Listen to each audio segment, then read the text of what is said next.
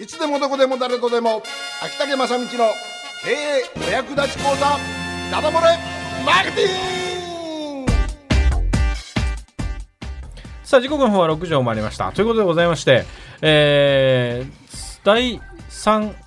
第4回第4目になるのかな？第4シーズンに入っておりますね、あ、は第い、あどう第4だったんだですねもう。うん。調べたところによると第4でした、第4シーズンに入ってます。はい。ということでございまして、はい。えー秋竹正道のお経営お役立ち講座ダダ漏れマーケティングでございますがはい。はい、えー今営業心理学といううんですねまして、えー第4シーズンの4番目ということで4の4っうん。ていうね、えーそういう今日の番組でございます、はい。はい、今日は、えー認知的不協和。また難しいこと言ってはい。というものを認知症じゃないですね。認知的不協和ですね、でこの認知的不協和はですね、うんまあ喋ればもう1時間ぐらいらこのあるんですがまあ代表的なちょっと考え方というかまあ秋竹正道がお勧めする考え方をお伝えしておきたいんですが、うん。認知的不協和と言いますのはあの心理学の用語で本来認知的要するに自分がこういうふうに思ってる、えこういうふうに 例えばこの商品はえ大変良いものだというふうに思ってるだとしましょう要するにそういう認知してるってことですね、うん。ところがそこにですね例えば奥様がですね私の奥様が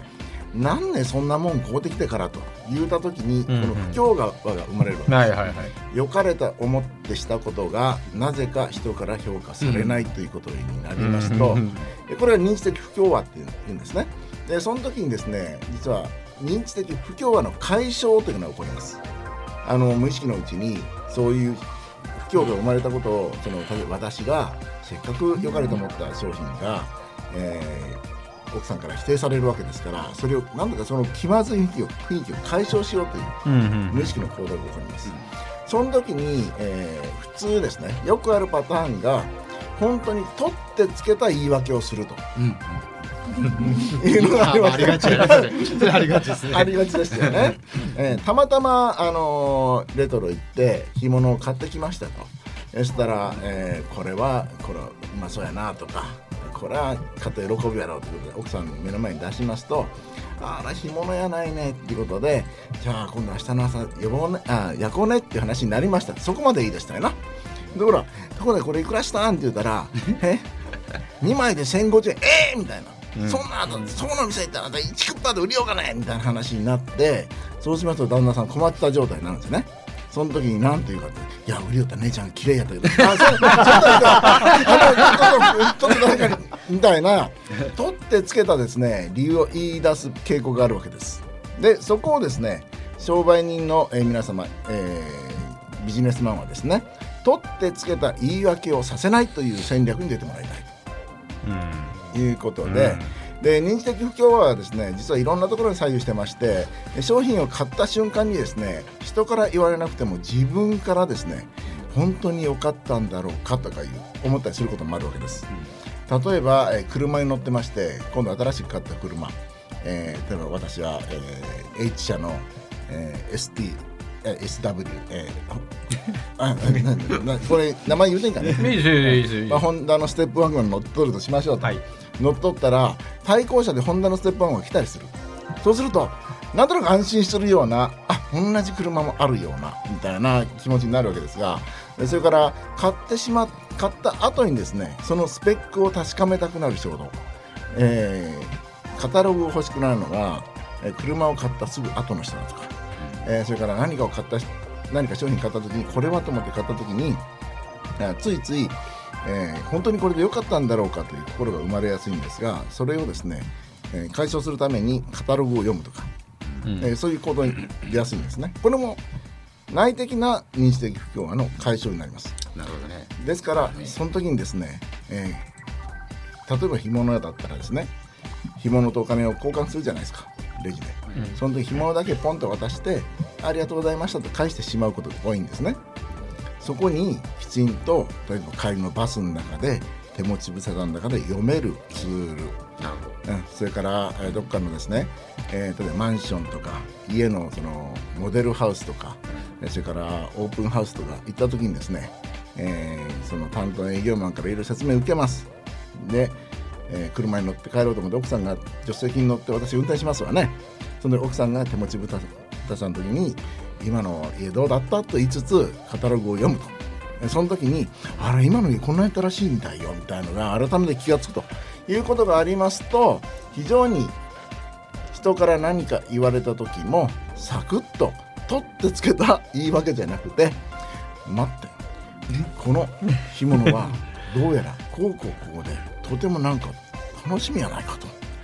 ね、家に帰った時に奥さんが「いくらで買うたん？1050円。うわー。そそんなそこでいくらで売りようか」って言われた時に「いや違う違う。これね」ってすっごいあこのところで人が並んでてでこれこれこうやって作ってるみたいよってだから焼いてくれちゃ言わんからちょっとわしが焼きたいぐらいやと。えー、そんぐらいの冷静なですね、えー、売ってるお姉さんの写真があって、ほら可愛いやろ。それもしもしもしこの時はこれを出しましょうみたいな。あこれポイントが高いですね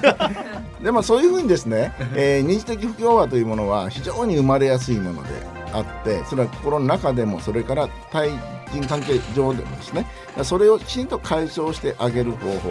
を、えー、考えておくのが、えー、やはりツールの役目であったり帰り際の一言の役目であったり奥様今日はいいお買い物されましたねっていう一言をですね投げてあげるとですねそしたらあよかったと思うこともありますしそれからあと、まあ、日的不協和でいろん絡んでいろんな言葉があるんですけれども、えーまあ、それはまたえ皆さんいろいろと研究してもらいつつ私の認知的不協和的にお伝えしたいのは不協和が出た時にその反論をその取ってつけたものに終わらせないできちんと私たち売り手から、えー、こういうふうに反論してもらいたいというもののツールをお渡ししましょうということでございます。という感じですが。確かに。それはありますね。ありますか？うん、あります。あります。買った後後悔しそうな時にスペース見てスペック見てね。うん。あそうそう。これはうんありますねものすごく。ありますよねるギターとかね、音楽楽器とかも。えー大概こうやっぱ選んで買うんですけどね。あとですねあ認的不協和に、あのーもうちょっといいね？10分ぐらい大丈夫あのー例えばですね買いたいけど手が届かない、まあ、高嶺の花ってやつですねあのー男女関係でもご経験あったかもしれませんがうん。あの子が好きなんやけど他の人のところへ行ってしまって。ね？買い買いたいけど値段がちょっと届かん時に人はやっぱり自分の心の中で本来これが欲しいのにそれを手に入れない自分という認知的不協和が生まれるわけですよ。その時にどういうふうな行動に出るかと言いますといやあれは高いだけでうんぬんかんぬんとか。